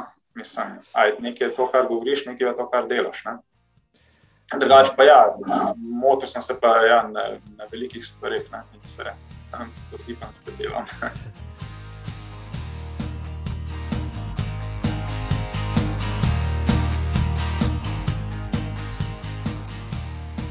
Spoštovane, uh, z mano je danes dr. Klemen Rojnik, odličen sogovornik, uh, nekdaj uh, vrhunski triatlonec, še vedno maratonec, zagovornik prave hrane. Klemen, če so že po konceptu zdravega, zdrave hrane, kaj pa zdrava rekreacija? Je, je zdrava rekreacija, uh, vem, redno gibanje, je to tek, je to maraton, je to triatlon, kaj je? Kje, kje bi postavil mejo neke zdrave, zdrave rekreacije in gibanja? Um, ja, to se je moj pa, pogled na to, se je kar dosti spremenil, potem, ko sem, um, sem nehal. Um, v bistvu, no, se oba, oba dva z Žana sva nehala, pa sva, pa sva se odločila, da probava nekaj čist drugega, pa sva šla in sva šla v Vigor. Um, uh -huh. To so te, kaj bi to rekel, um, bolj nek um, cross, crossfit gym. Pač, ja. Mhm, mhm. Crossfit gym. Mhm, um, pa so tam vzela malo mal saketo dele, dvigovala pa malo te whole body movements, pa vse to. Um, pa valjda, vsaj iz mojega vidika sem izdelal triatlon, um, neki maraton, kaj nekako spodoben cajt, pa to, tole bo super. Ne? Pa pa vem, da že po ene po neparih treningih je rekel, da smo pa za ogrevanje ustajali stali, brez pomoči rok. Ok. Problem je, da ni to kajfah, nekaj se sliši. In pol se človek kar zamisel, ne? da ne moreš ustati brez roke stal, oziroma zelo težko pa je kar orang zvijanja, pa vse to. Um, pa pa še tudi pri drugih vajah vidiš, kako si v bistvu funkcionalno nesposoben. Ne? Se pravi, težkih stvari ne moreš dvigati. Um, da bi sam sebe kaj dvigoval, po, po, da bi splezel po vrvi ali pa da bi se dvigoval na štangi. Ne? To je bilo vse meni, fu, tako težko. Ne? Tako da tam, tam je bila prva prizemljitev, ne? ni vse samo ta kardiošport, ki so ga ne, po mojem, to zelo propagira kot sinonim za zdravo življenje, samo kardio, kardio, kardio. kardio um, oziroma, saj jaz sem v takem svetu živel. Ne? Tako da bilo je neka prizemljitev in je bilo res prav osvežujoče, ja, da imamo malo več tega delati. Um, zaradi tega zdaj tudi v zadnjih par let hodim v fitness, dokler sem še lahko. Um, se pravi, te osnovne gibe, deadlift, počepi, um, seveda ne na mašinah, ne, ampak neki za moč, ker je spet čisto ena druga dimenzija. Ne, um, se najbolj ta občutek zmatranosti po dolgih tekih, ki je, um, ti je znan. Ne, pač ti so, noč ti ne da, če si utrujen, pa se pa vlečeš posod, ne, pa se smilaš sam sebi. No, ko se pa v fitnessu skanta, še pa čisto tak drugačen občutek, ne, vsaj, vsaj meni, vsaj za me. Ja, tako uh, počutim se, ne, da bi se počutil močen, ampak prav mišice te bolijo na drugačen način kot um, prej. In je res čist, ni nujne kronične utrujenosti, pa, da bi se vlekel, ampak res prav, ne, kadar ti telo ne, sporočilo, ej, da je še več tega, še več tega. Ne. Uh, tako da da se navežem nazaj na vprašanje. Ne, se mi zdi, da rabimo oboje, ne, in za moč, in za, uh, in za, in za kardio. Ne, tako da, kak, kakšne so pa količine, je pa, je pa problem. Ne. Sicer zdaj najbolj palijo članki, preveč rekreacije ubija, tako je ta zgaja. Valjda vsak to rad bere, pa klika, ne, uh, ja, prav sem je, prav sem je, prav sem je, super, ni mi treba. Ne. Tako da, ampak mislim, kar koli gledaš, una meja, kdaj je škodljivo, je ne doseže, pa ne vem, če promil od promila v Sloveniji. Um, te, um, po mojem, vsak profesionalni šport, ne rečemo, to, kar kolesari delajo, ali pa ne, konč koncev, triatlonci, maratonci, to dvomem, da je. Da je zdravo, ne, na, na, dolga, na dolgi rok, ne, če skozi to delaš. Um, ampak to, kar je pa rekreacija, pa niti podrazno, po mojem, ne more biti škodljivo. Ne? Razen če laufaš, škodite, ne vem, kolena skozi bolijo, pa kar je, je v tem smislu. Um, Drugač pa jaz sem prišel do tega, da ja, mora biti nekaj težkega, mož dvigovati, pa kardio tudi. Ne? Prav, prav. Mislim, komplementar ja, komplementarno, bravo, komplementarno, ja, tako, tako. Sej, um, zelo rado, lepo si to izpostavil, zelo rado se govori o pretiravanjih. Čeprav je to pretiravanje zelo težko doseči, to je prej tako kot pri kavi, preveč kave, uh, lahko povzroči infarkt, ampak preden boš od kave dobil infarkt. Uh, Jih boš mogel spiti 200, ne, ne 3 v eni uri. Tako da um, No, na drugi ja, strani še čakamo, kdaj bo tole dobil svoj ime. Ortoreksija je bolezen prekomernega ukvarjanja s hrano. Športoreksija je prekomerno ukvarjanje s športom. Klasificira si jih, doktor, in to je to. E, termin še to rabim. Skoval si termin, doktor Klemen Rojnik, to bo notu, ko bo ta, e, ta uh, beseda polnot v v, v uh, Wikipediji, bo, zra, bo zraven napisan kot avtor tega 2021. Tako da, evo, da je to, da veš, ne? še nekaj, s čimer se boš pa. Eh, za kar te bodo nekaj od mene. Tako klicali, sigurno te bodo klicali na kakšne okrogle mize, pa kaj ta, da boš razlagal ta, ta pojem. Pol, ja. Še vsem lajkom tam zunaj. Um, no, ampak na drugi strani, jo, če, če grejo od tega, kaj je zdaj zdravo, ne, kaj pa res ni zdravo. Ne, to je v zadnjem letu veliko govora o tem. Ne. Uh, o, o posredno negativnih posledicah rekel, pandemije, o otroški debelosti, o, o, o gibalnih sposobnostih, vseh nasploh, ki so padle, kje bi pa tukaj morali začeti po tvojem, da začnemo naslavljati ta pereč problem, ampak na pravi, na, na pravi način. Oh, na tem področju pa ne vem, če, vam, mislim, če ti lahko kaj odgovorim. Ampak moje opažanje je, da mini poti, oziroma une slabe poti na rožniku, tukaj le niso več še enkoli tako shojene, kot med pandemijo. Ali pa tukaj le na sosednjem klobuku, ki hodimo z otroci. Ni bilo še enkoli tako shojen, kot je to, folka še ponovadi nisem nikoli videl tukaj po sosednjih gričih, kot zdaj. Ne? Tako da ne, se res manj gibljajo, gibljemo kot prej. Ne vem, kako bi to rekel. Ne vem, kako bi sploh to ocenil. No? Jaz, ko tako pogledam, bi rekel, da, ne, da se. Ne, lahko, lahko pa je seveda, da se sam določen procent fol, folka res giblje več, določen procent, oziroma večina pa manj. Tako da, ej, nimam pojma, ampak le, če vzameš pandemijo kot izgovor za to, da se ti ni treba gibati, ali pa ne, da ti ni treba iti ven, ne vem, pol, ne vem, ne vem, če me je problem, no, tako iskreno povedan. Pol, bo to nekaj evolucijskega na temo, ali moje življenje mora biti čim bolj na izi, zakaj bi se matril, če se ni treba. Da, ne, je, je pa res, da živimo v okolju, na, na katerega nismo prilagojeni, pa, da gremo nazaj na evolucijske teme. Um, in morda, da pandemija to še glih malo bolj izpostavi, kot je bilo drugačne.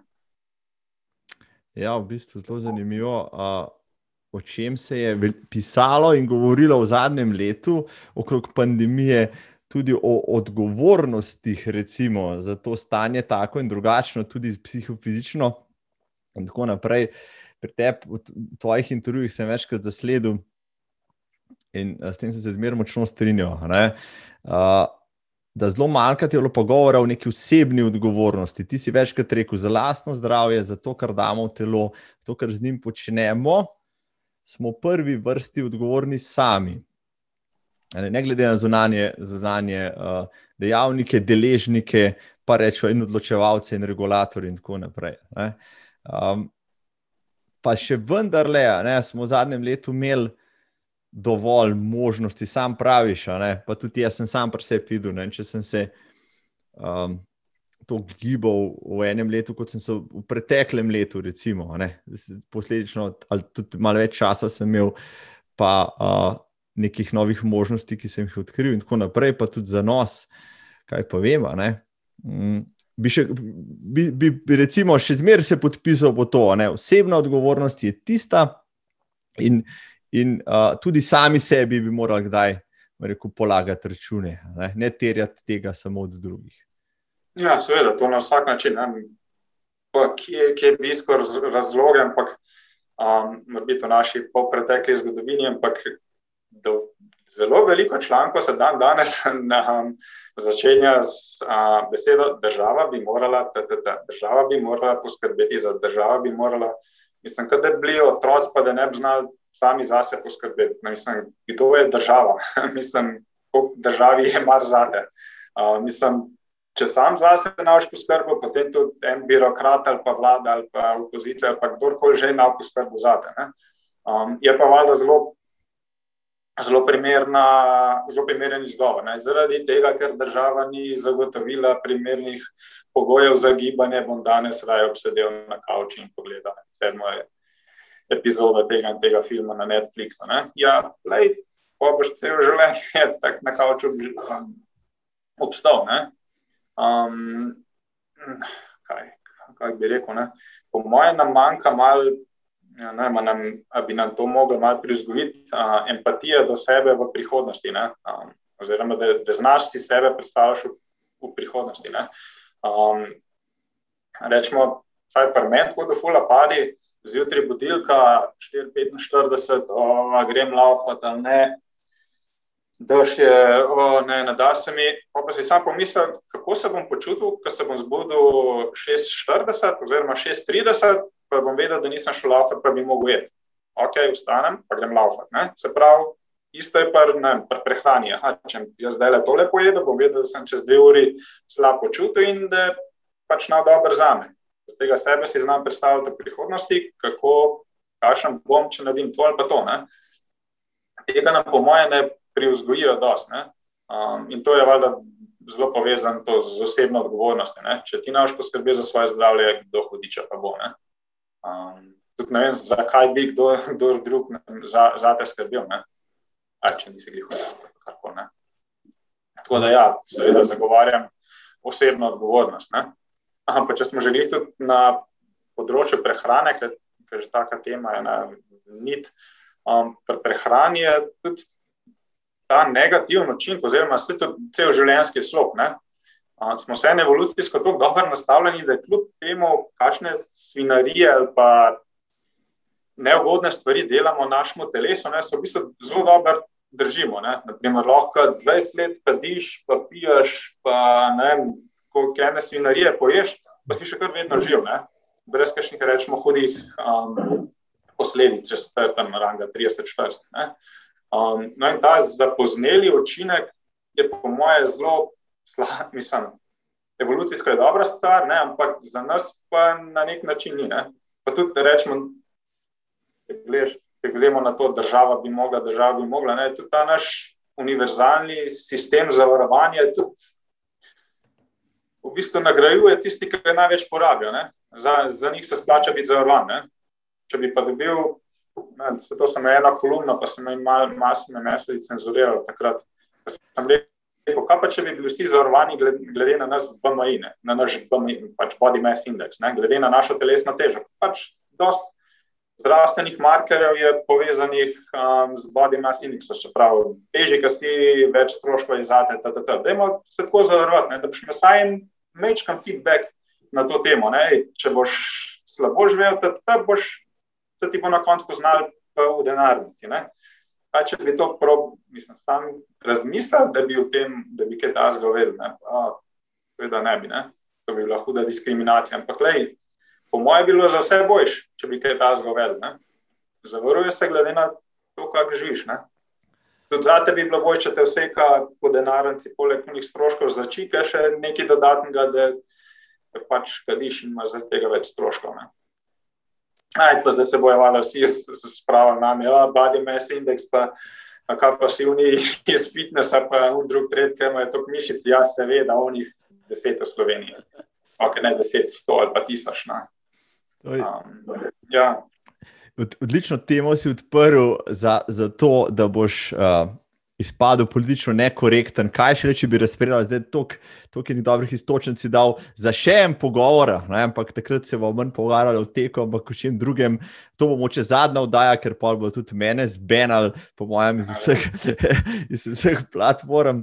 Uh, ampak, sorry, sorry. ampak mi pa, mi pa všeč, ne, govorijo o stvarih, ki so pomembne. Zmeraj iščemo, rekel, probleme, iščemo v. v neskončnih različicah uh, nekih možnih razpletov, ne, in se na koncu prerekamo o tem, nam, nam, da se vrnili k osnovam in tisto razčistili, je tisto, kar govorijo, kar so že prej govorila. Če so že pri otrokih, uh, vidite, z Žanom imate dva majhna otroka. Najbrž tisto, kar se danes pogovarjajo, tudi v zdravem življenju, udejanjate v družinskem življenju, uh, kar od prehrane in gibanja naprej, pa še vedno nimate televizije še vedno nimamo televizije. no, in kako potem, to pa zelo zanimivo, za, za vse tiste, ki so imeli otroke prilepljene zdaj na elektronske naprave uh, čez zadnje leto, ne, kako pa vi uh, se lotevate otroškega dolgčasa in, in tega, da otrok skozi hoče neko animacijo, najlažje pa ga je z elektronsko napravo zamotiti in umiriti. Jo, ne vem, tako da se ukvarjajo z otroci. Ne? Mislim, to je, to je najlažja stvar, da ne, ne, kaj te cuka, kaj te že, mu daš tablico, pa je pol ure mer, ali pa ena ura mer, ali pa dve uri mer. Um, najtežje je pa pač, da gremo se obleč, pa gremo ven. Uh, tako da ja, na tem področju um, žana poskrbi za večino. Ne? Rečemo, tako kot je zdaj razrihtala, da, da so šli v živalski vrt, uh, kljub temu, da ni najbolj primerno vreme, ne? ampak lej, treba jih je pelati ven, treba jih je naučiti, da, da se treba gibati, treba jih je naučiti, da ne greš ven, če je daš. Ne? Tako da to je to. Osebna odgovornost, plus odgovornost za, pač, za tiste, ka, za katere si odgovoren, za otroke. Ne? Ne, to, da pa jamraš, da so otroci debeli, je v bistvu prej krivda na starših, ne? kot pa na otroku pa da so preveč časa na elektronskih napravah. Danes smo imeli recimo eno zanimivo debato na to temo in jaz vem, uh, meja kul, pa tudi jaz sem kriv, kdaj tega, čeprav moji otroci še nimajo reko telefona, ampak jim svojega, kdaj odstopim in tako naprej. Ne? Ampak vem, da. Ja, seveda, se, mislim, brez tega ne gre, ne? Sej, ampak vse je to neke zmerne meje. Ne? Vem pa, da sem tako jaz tisti, ki otroku dam telefon v roko in nihče drug, nobena družba mu ga ne da, ne? jaz mu ga dam. Zdaj, če je družba taka, da vsi ostali dajemo, dajo telefon otrokom v roko. Uh, uh, jaz ne morem spremenjati te družbe, lahko pa tisto, na kar lahko vplivam na svojega otroka, ne? dejansko tam začnem počenjati te stvari. Da mi še povej, če so že pri pandemiji, čisto na hitro, vsi doktor farmacije, doktorijo si na področju farmakoekonomike, zdaj delaš v mednarodnem uh, farma podjetju, uh, vendar le si bliže rekel, informacijam. Spremljaš razvoj panoge oziroma ta rekordni, uh, rekel, uh, rekordni razvoj cepiva za COVID, za to pandemijo, ki se je zgodil praktično v enem letu, dobrem letu, in je recimo edini obet, da se vse tole, kar zdaj doživljamo, konča. Ja, spremljam, mislim, rečemo, da smo dosti površen. No, ampak kar se tiče tega, je moje mnenje glede farmacije, isto, farmacije in medicine, isto kot je bilo rečemo, takrat. Ne. Kar se tiče akutnih stvari ali pa infekcij, kamor bi spadale tudi infekcijske bolezni, je genialno. Ne. Mhm. Mislim, to, da so zdaj le, v bistvu dejansko so razvili. Zdravilo, to um, moderno, pa Pfizer, če se ne motim, v parih tednih. Aj, pol je bilo treba še vse to registrirati, mhm. um, vse to papirologijo, pa vse to zrihtati, pa študije, ampak imamo na voljo orodje, da je v parih tednih eno hudo pač napako, oziroma en virus pač ukrotimo. Ne? In če to ni genialno, Pete, pogled, mislim, ne gre kdo pogledati, kakšni so bili podatki na kakšni španski gripi ali pa ne vem, še prej, ne, kaj so delale uh -huh. črne koze, pa vse to. Ne. Tako da kar se tega tiče, jim vsaka čas ne, je sistem napeljan um, zelo v redu. Um, tako da ne vem, kaj ne rečem. Lahko se navežem na kronične bolezni, tam je dizaster, nek so druge inicijative, ampak um, kar se tiče telih uh, cepiv, sem pa ne pozitivno presenečen, ampak sem nekako pričakoval, ja, da bojo bojo tako hitro naredili. Ja če sem kaj razočaran, bi prej rekel na deregulatorji, ne? pač birokrati, da vse to odobrijo. V bistvu je po hitrejšem postopku, ne, ampak vsem vsak teden, ki kasneje pride um, zdravila, na, mislim, cepivo na trg, je toliko in toliko več mrtvih. Um, rečemo, Izraelci so se zelo dobro zdilali. Ja, dajte mi vam zbiramo podatke, samo dajte nam do fula cepiva, ne s Pfizerjem, meseci, če se ne motim, in so le, a so 70 posto precepljeni, 60 posto. Ne. Ne, bi mogli pa moje v prihodnje bolj premisliti tudi o takih, takih variantah. Ne. Cool disclaimer, prvi pr sem se šel že cepati, ja, dva dni nazaj. No, Jaz na svojo prvo dozo že čakam, da ne bo treba čakati dolgo. Uh, Klemen, vidim, da so pa že uro in pol uh, tukaj na vezi, zelo hitro je minil, se pravi, ti uh, najni pogovori bi lahko še trajali, manj še cel kup vprašanj, ki sem jih preskočil. Torej, bo še priložnost, če ne drugače, v živo. Uh, da mi povej za konec. Um, V nedeljo je uh, virtualni Wings for Life. Vem, da je na tej tekmi enkrat Žana zmagala, takrat bi mogla naslednje leto po Avstralijo potovati, pa nista šla. Bosta pa moče to nedeljo tekla ali pa vsaj ti?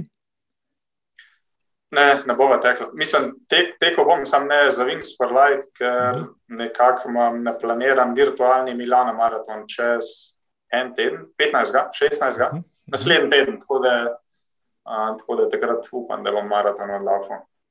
Lepa. No, potem bom zdaj mogel spremljati Kobeta, pa uh, Neo Kršinar na eni strani v živo, potem tebe tam virtualno. Ne, to, bo, to bo kar eh, pestra, tista nedelja, se mi zdi.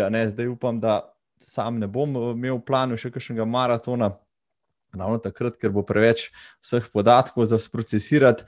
Uh, Vem, da si enkrat tudi, če so že pri tvojih podvigih, to sem nekje se zdaj le spomnil, teku z Ljubljana tri glavo, to drži. Drži, drži, pa še nazaj. Še ena izmed neumnosti. še ena izmed neumnosti. Ja. Sveta pomagalka. In še nazaj, to si prav, koliko pol, 180 km, 200, koliko je bilo to? Ja, ne, sem to v dveh dneh. Prvi dan gor, dol, mislim, gor pa prespal na kredarci, drugi dan pa pač nazaj, um, po najkrajši koliko je bilo pa kilometrov, deve, ne, maj, 90, 95, pa ena smer, ne se izlobljane. Um, ja, neumnosti smo veliko delali, delali ja, nekoč. Ja, Takrat si bil na. Ampak je bila pa zanim, zanimiva izkušnja, ja, to ima na vsak način. Ja. Koliko časa si rabo za teh 90 km v eno smer? Uf, oh, ne, kar koli bom rekel, ampak več kot 12 ur na vsak način.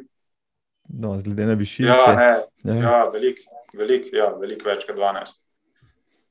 Um, mislim, zač, vem, vem, da sem začel sem v temi, um, pa pol sem pred, pred temo sem prespal gor. Um, da, jo, zdaj sem pa domov. Ne vem, ne spomnim se. Ja.